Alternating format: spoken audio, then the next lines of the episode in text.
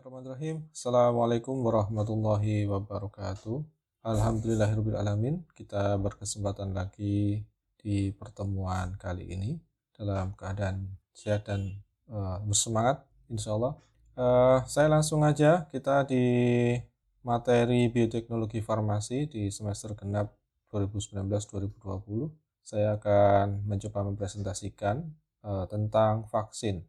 Nah, Uh, sebelum kita menginjak lebih jauh tentang vaksin, kita pahami dulu beberapa istilah yang mungkin bisa saling menggantikan atau sering kali ditukar pakai sehingga satu istilah itu sebetulnya juga uh, bermaksud di istilah yang satunya.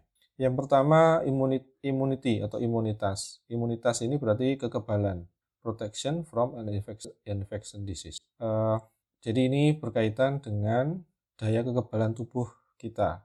Jadi keadaan kebal.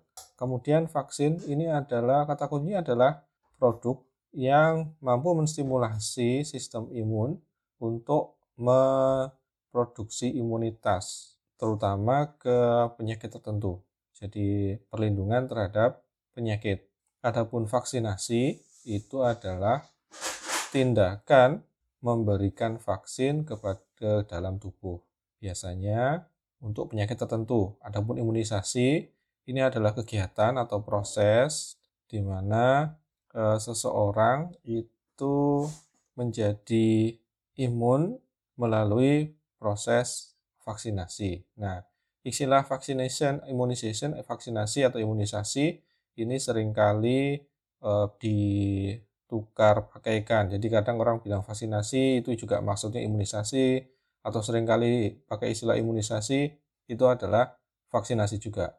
Kemudian eh, kenapa perlu diimunisasi?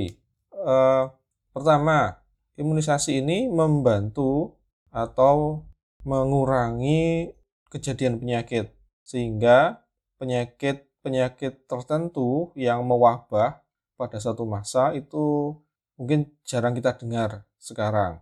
Misalkan dulu itu banyak terjadi polio, kemudian ada banyak vaksinasi polio, alhamdulillah di Indonesia termasuk yang berhasil sehingga e, bisa dikatakan sedikit atau tidak ada. Kemudian e, di sini juga nanti pentingnya untuk e, e, mengeliminasi penyakit harapan kalau memang eh, program imunisasi atau vaksinasi itu bisa tuntas, ini sangat mungkin sekali. Sebagai contoh, Jepang itu eh, pada tahun 70-an di Jepang itu kan terjadi eh, wabah pertussis. Nah, kemudian dilakukan vaksinasi, eh, kejadiannya menurun, kemudian ada dijeda artinya diturunkan program vaksinasinya dan ternyata epideminya itu muncul kembali. Ini uh, yang berbahaya dari ketika kita menurunkan atau melemahkan program vaksinasi. Nah, kemudian ya kejadian seperti itu yang ke, bisa terjadi jika kita menghentikan vaksinasi. Sehingga vaksinasi itu ya menjaga kesehatan kita di masa depan. Kemudian bagaimana sih e, tipikal atau siklus program imunisasi? Kira-kira apa hubungan antara kemunculan penyakit dengan program vaksinasi? Nah, ini bisa digambarkan dengan e, skema sebagai berikut. Nah, jadi e, mungkin awalnya penyakit itu muncul, kemudian di tahapan selanjutnya di tahapan 2 program vaksinasi kemudian ditingkatkan dengan berjalannya waktu itu akhirnya penyakit menurun di sisi lain memang eh, di di eh, di poin 3 itu ada memang sebagian reaksi dari vaksin yang eh, eh, apa namanya ada efek samping dan sebagainya itu bisa tetap tetap muncul ya, sepanjang penggunaan eh, vaksin atau pemberian vaksinasi. Nah, kemudian ketika vaksinasi itu mencukupi, biasanya kejadian penyakitnya juga akan menurun. Nah, ketika misalkan di tahapan 5 kemudian kita menjadi lengah, menurunkan vaksinasi, kemungkinan maka penyakit juga akan banyak muncul, muncul kembali. Nah, setelah kemudian kita mengaktifkan kembali, meningkatkan kembali ke level normal, maka bisa penyakit akan muncul. Jika program vaksinasi itu terus-menerus dilakukan sampai penyakit itu bisa tereliminasi atau tereradikasi. Baru kemudian setelah itu kita bisa menghentikan eh, program vaksinasi tertentu. Termasuk di slide 5. Nah, hal yang perlu diketahui dari imunisasi, eh, imunisasi atau vaksinasi itu ada yang sifat eh, sifatnya aktif dan pasif. Adapun kalau yang aktif itu jadi pemberian pem, di pemaparan dipaparkan jadi eh, apa namanya secara aktif secara sengaja eh, apa namanya sistem imun itu dipapar organisme penyebab penyakit atau patogennya. Nah nanti itu bisa eh, dalam hal ini bisa karena memang mendapat penyakitnya kemudian menjadi kebal atau kita bisa memberikan eh, apa namanya organisme yang sudah dilemahkan dalam hal ini yang bisa kita sebut dengan vaksin atau vaksin induced immunity untuk mengaktifkan imunitas ini. Nah, imunitas aktif ini biasanya akan bersifat eh, jangka panjang atau bisa seumur hidup. Adapun imunisasi pasif atau eh, apa namanya pasif immunity ini eh, yang diberikan ke, di, ke dalam tubuh itu adalah dalam bentuk jadi, misalkan dalam bentuk antibodi. Contohnya ketika bayi lahir mendapat apa namanya eh, asupan ASI, maka langsung mendapat asupan imunoglobulin. Jadi eh, ini adalah sudah dalam bentuk eh, jadi atau bisa dikatakan siap pakai. Nah, berbeda dengan imunitas aktif, maka ini Eh, passive immunity sifatnya hanya beberapa minggu atau bulan. Jadi eh, yang bisa berlangsung lama itu adalah yang eh, imunitas aktif. Nah, eh, imunisasi pasif maupun aktif itu biasanya memang eh, dua-duanya dijalankan.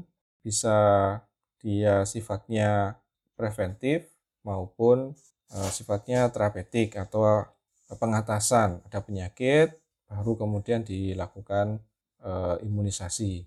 Masing jadi uh, imunisasi pasif maupun aktif itu bisa terkait uh, pengaplikasinya di penyakit infeksi atau karena infeksi maupun juga uh, uh, adanya kanker. Kita perlu memahami pada dasarnya untuk memahami kerja vaksin kita harus memahami sistem imun kita. Nah, sebagaimana kita ketahui, kuman, bakteri, virus ketika e, menginvasi masuk dalam tubuh maka e, mereka akan menyerang dan berkembang biak atau menyebabkan infeksi. Nah, ini kalau ini dibiarkan terus-menerus bisa menyebabkan timbulnya penyakit. Nah, pada saat yang bersamaan sebetulnya e, tubuh itu juga akan melakukan respon. Misalkan eh, apa namanya eh, sel imun yang terutama makrofag, limfosit B dan limfosit T. Nah, eh, dalam hal ini kalau kalau sistem imun bawaan itu kan eh, responnya memang cepat, tetapi dia tidak spesifik. Adapun ini eh, di B limfosit dan T limfosit ini terkait dengan respon imun yang aktif, yang sifatnya dia spesifik dan dia bisa memerlukan beberapa waktu, beberapa hari atau minggu untuk bisa benar-benar full aktif atau tuntas dalam memberikan respon terhadap infeksi. Nah, bagaimanakah vaksin bekerja? Pada dasarnya vaksin ini sebetulnya mengimitasi infeksi. Jadi mengadopsi bagaimana infeksi terjadi. Tetapi vaksin vaksin ini adalah e, menciptakan kondisi mendekati timbulnya penyakit. Jadi e, namun demikian tidak menimbulkan penyakit dalam rangka untuk memancing atau memicu tubuh untuk memproduksi limfosit atau dan antibodi. Pada pemberian vaksin ini e, bisa terjadi gejala seperti demam atau yang lain. Nah, respon in, e, imun adaptif atau respon imun yang sifatnya spesifik itu diperantarai terutama di e, limfosit T atau limfosit B. Nah, di sini nanti e, terutama ada limfosit T yang bisa disebut dengan memory cell. Kalau memang dia sudah pernah diproduksi, maka ini akan langsung segera memberikan respon. Jadi waktunya sudah jauh lebih pendek dibandingkan ketika belum pernah terpapar dengan satu antigen sama sekali.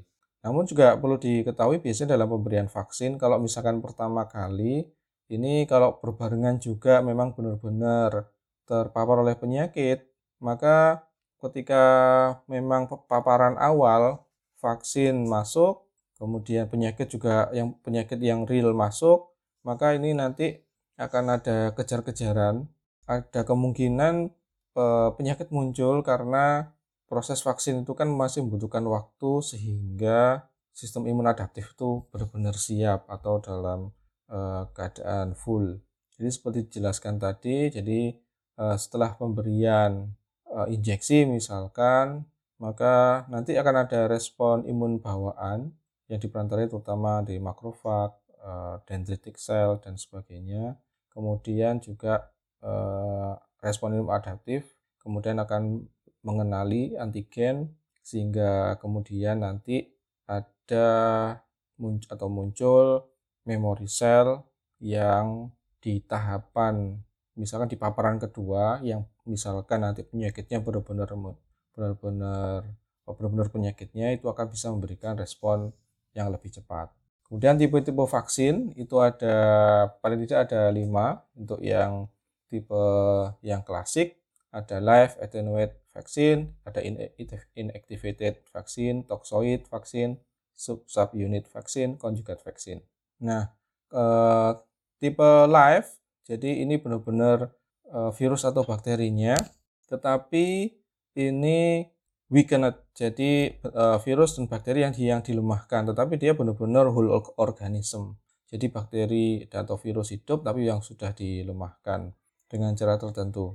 Nah, bentuk atau jenis yang live attenuated vaksin ini adalah yang paling mendekati eh, bentuk alami dari infeksinya. Sebagai contoh ada measles, mumps, rubella, atau vaksin varicella yang ini termasuk yang live attenuated vaksin. Nah, untuk tipe vaksin seperti ini biasanya ini ditunda untuk diberikan kepada anak-anak jika eh, dalam kondisi eh, sistem imun yang lemah. Jadi harus ditunda dulu ketika kondisi tubuhnya memang sudah siap, sudah normal baru boleh diberikan vaksin jenis ini. Ada inactivated vaksin jadi ini untuk vaksin virus dan bakteri juga. Uh, ini dari kuman yang diinaktivasi atau dibunuh. Jadi kalau yang tadi itu dilemahkan, kalau ini yang benar-benar dibunuh atau diinaktivasi. Sebagai contoh adalah vaksin polio. Kemudian ada vaksin toksoid. Vaksin toksoid ini jadi menggunakan toksin. E, maksudnya adalah toksin dari jadi terutama ini ditargetkan vaksin yang tipe ini untuk penyakit yang disebabkan bakteri yang memang memproduksi toksin. Nah, vaksin ini dengan cara melemahkan toksinnya dan kemudian yang disebut dengan toksoid. Jadi toksin yang dilemahkan dan di, kemudian dijadikan vaksinnya disebut dengan toksoid. Misalkan untuk e, difteri dan tetanus. Ada subunit vaksin. Jadi kalau subunit itu e, dari istilahnya sendiri ada sub subunit. Jadi bagian tertentu dari virus atau bakteria uh, ini yang dipakai itu vaksin, tidak atau bukan organisme utuhnya. Nah, subunit atau bagian tertentu yang digunakan oleh vaksin ini adalah yang uh, uh, antigen yang sifatnya esensial, yang memang terkait yang interaksi dengan antibodi. Contohnya adalah pertussis. Ada konjugat vaksin, ini untuk bakteri. Nah, terutama jadi ini bagian dari Antigennya adalah yang dipakai di sini adalah polisakarida. Polisakarida yang membungkus bakteri yang ini biasanya susah dikenali. Contohnya adalah Haemophilus influenzae tipe B atau HIB. Ini uh, contoh beberapa tipe vaksin yang sifatnya klasik dan yang dihasilkan melalui mod teknologi modern. Uh, biasanya adalah dengan teknologi rekombinan. Nah, kemudian uh, vaksin yang ideal itu yang bagaimana? Yang pertama, harapannya adalah 100% efisien ke semua individu di semua umur. Jadi eh, memang ini bisa diterapkan di semua semua orang, semua umur. Kita pahami bahwa respon imun itu nanti akan bisa berbeda-beda. Orang yang eh, keturunan atau rasnya berbeda, geografiknya berbeda, hidup di lingkungan yang berbeda, level umur yang berbeda itu biasanya juga uh, ya banyak berpengaruh. Harapannya juga bisa single administration atau satu kali pemberian yang dia self life-nya atau T setengahnya panjang. Kemudian tidak menimbulkan reaksi yang tidak diinginkan, vaksinnya sangat stabil, entah karena misalkan faktor suhu, cahaya, transportasi dan sebagainya. Harapannya bisa diberikan secara oral karena ini paling menjadikan pemberiannya sangat mudah sekali dan tersedia dalam jumlah yang tidak terbatas dan tentunya adalah murah. Desain vaksin baru itu apa hal-hal apa saja sih yang harus diperhatikan? Nah, kita paham bahwa vaksin itu adalah meniru sistem imun dalam tubuh. Maka mem memahami secara detail mekanisme bagaimana tubuh itu merespon atau memproteksi terhadap satu jenis patogen ini menjadi sangat e, penting sekali. Misalkan untuk penanganan atau vaksin-vaksin uh, untuk penyakit mikobakteria, maka mekanisme yang penting untuk uh, vaksin itu memang memang uh, efektif di sini itu misalkan kalau di tetanus itu uh, perlunya uh, apa namanya high blood titer antibody. Jadi bagaimana vaksin itu bisa me menciptakan keadaan ini. Kalau misalkan di penanganan tuberkulosis, mekanismenya yang paling efektif di macrophage activating CMI atau cell mediated immunity.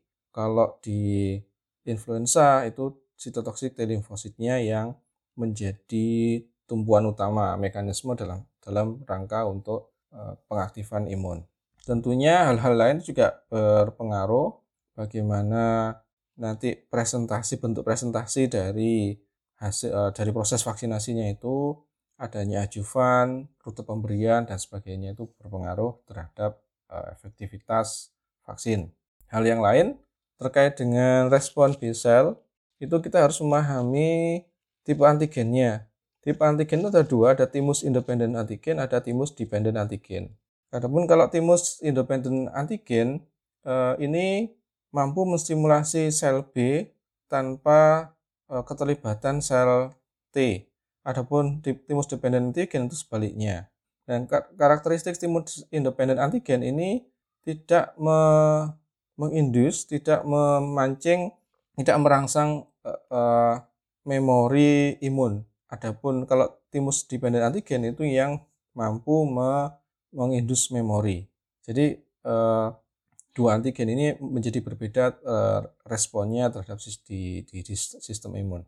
Kemudian jika antigennya adalah protein, dia sifatnya bisa continuous atau discontinuous. Kalau continuous itu uh, sekuen peptidanya sifatnya linear. Dan kalau discontinuous itu biasanya tidak linear. Nah, nanti uh, ada gambar yang bisa lebih menjelaskan. Tidak linear ini nanti ada artinya ada beberapa bagian yang kemudian ini bisa mempengaruhi lipatan dari protein sehingga dia membentuk konformasi tertentu. Yang ini nanti akan berpengaruh ke pengenalan antibodi sel B terhadap epitop. Jadi yang paling kiri ini contoh di continuous epitop yang continuous, jadi dia hanya linear saja. Adapun kalau yang sebelah kanan itu adalah discontinuous. Jadi tempat pengenalannya itu ada ada di beberapa bagian dia dia membentuk konformasi tertentu sehingga antibodinya yang mengenali e, bentuk lipatan konformasi tertentu. Kemudian faktor uh, rute pemberian. Umumnya vaksin itu diberikan secara intramuskular atau sub subkutan. Nah, eh, di sini imunisasi parenteral itu cenderung untuk memicu sistem imun secara sistemik. Di samping itu, eh, eh, untuk secara mukosal, oral, intranasal, intravaginal imunisasi ini juga eh, bisa di, bisa atau cenderung dipilih yang jika terkait terutama untuk imunitas di mukosa dan sistemik. Kita ketahui juga bahwa sistem mukosa ini kan termasuk sistem yang terbuka dan tempat masuk banyak patogen. Contohnya eh, misalkan antibodi untuk kolera. Ini diberikan atau di di diberikan di gut lumen ini dalam rangka untuk menghambat Eh, eh, perlekatan atau kolonisasi di dinding intestinal sehingga langsung bisa di tempat vaksinnya.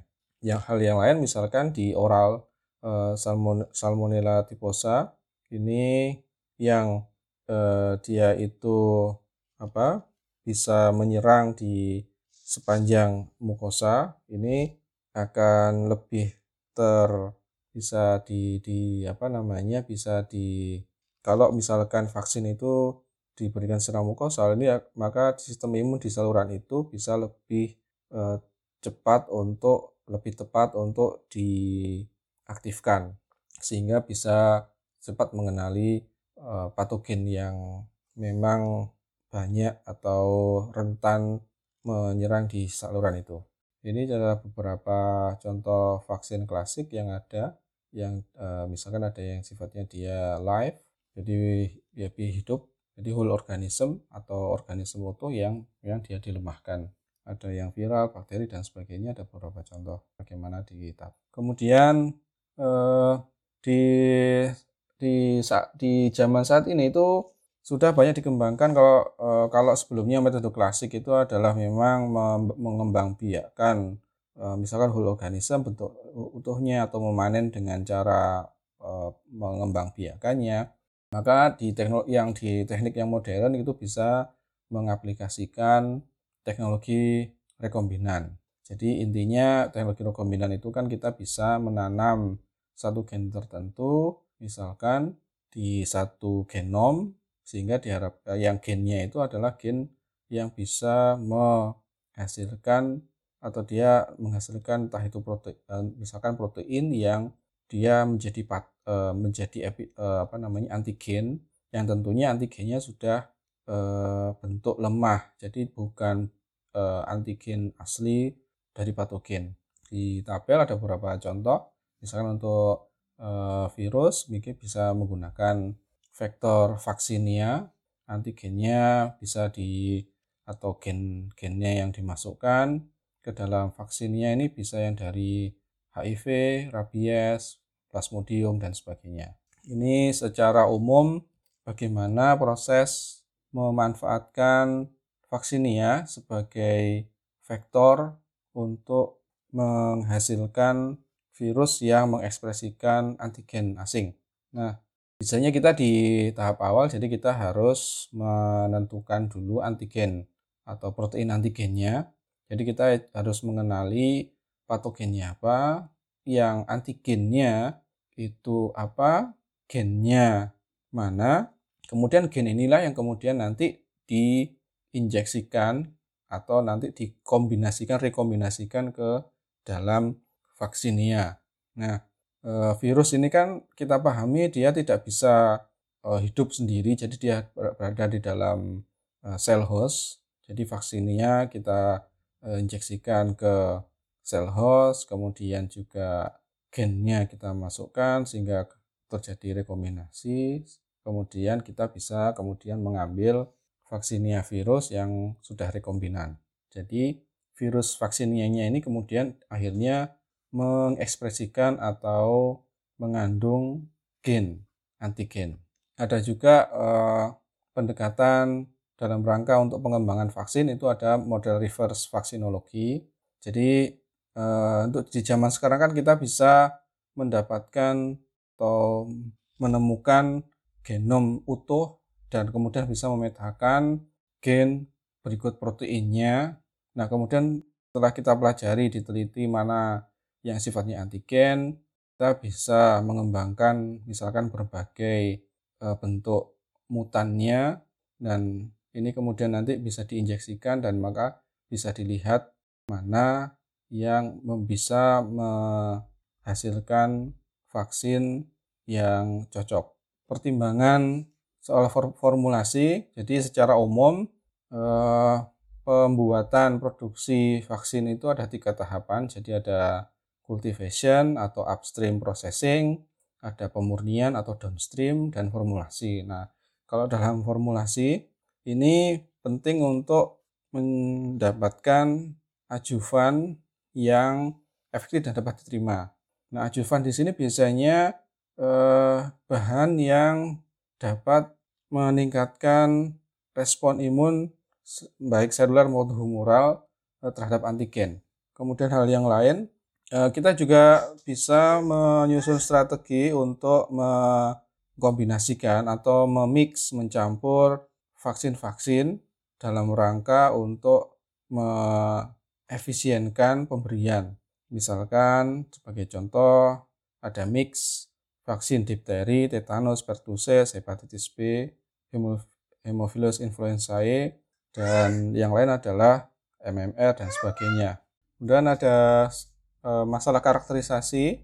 Ya, karakterisasi ya sebagaimana e, produk farm, e, sedian farmasi dalam hal ini adalah lebih ke produk biologis itu juga harus memenuhi standar sehingga e, nanti bisa e, efikasinya, keamanan, dan kualitasnya bisa terjaga dengan baik. Nah, untuk karakterisasi Misalkan kita bisa menggunakan kromatografi kolom atau elektro elektroforesis untuk mengkarakterisasi kemurnian, bobot molekul, e, muatan elektrik, dan sebagainya. Metode spektrometri, spektroskopi bisa digunakan untuk melihat bobot molekul dan mengamati struk, e, apa namanya identitas molekul dari vaksin. Kuantifikasi vaksin komponennya bisa menggunakan metode imunologi atau bisa juga menerapkan uh, sensor. Spesifikasi standarisasi uh, secara internasional bisa dilihat di halaman atau laman web WHO. Di sana ada data maupun standarisasi untuk vaksin-vaksin tertentu.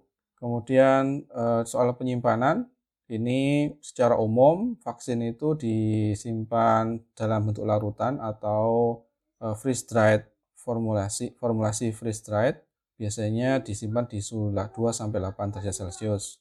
Adapun shelf life itu bisa e, dipengaruhi oleh komposisi maupun karakteristik e, fisika kimia dari formulasinya.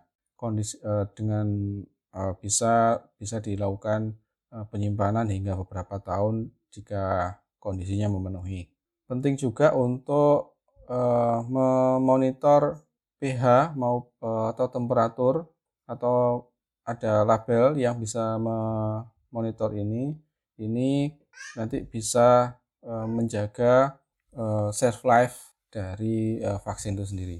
Sebagai penutup, meskipun ada banyak vaksin, tapi masih banyak juga penyakit infeksi yang atau penyakit infeksi yang belum ada vaksinnya, misalkan malaria atau e, misalkan juga untuk penyakit lain kanker. Di sisi lain juga e, e, pemakaian antibiotik itu ada ekses terjadinya resistensi sehingga kita tidak bisa hanya mengandalkan pengembangan antibiotik tapi juga artinya lebih ke soal penanganannya. Antibiotik kan itu lebih ke penanganan. Eh, ada baiknya juga kita mengembangkan vaksin yang eh, dia digunakan untuk eh, sebagai preventif. Dan ke depan kita masih perlu untuk mengembangkan vaksin baru yang bisa digunakan untuk mengatasi berbagai penyakit. Referensi yang bisa dipakai atau yang juga dijadikan bahan dari materi ini lebih detail juga bisa merujuk ke referensi yang ada di layar. Demikian, terima kasih atas perhatiannya. Alhamdulillahirrahmanirrahim. Mohon maaf atas segala kekurangan. Semoga semua dalam kondisi sehat. Alhamdulillah. Assalamualaikum warahmatullahi wabarakatuh.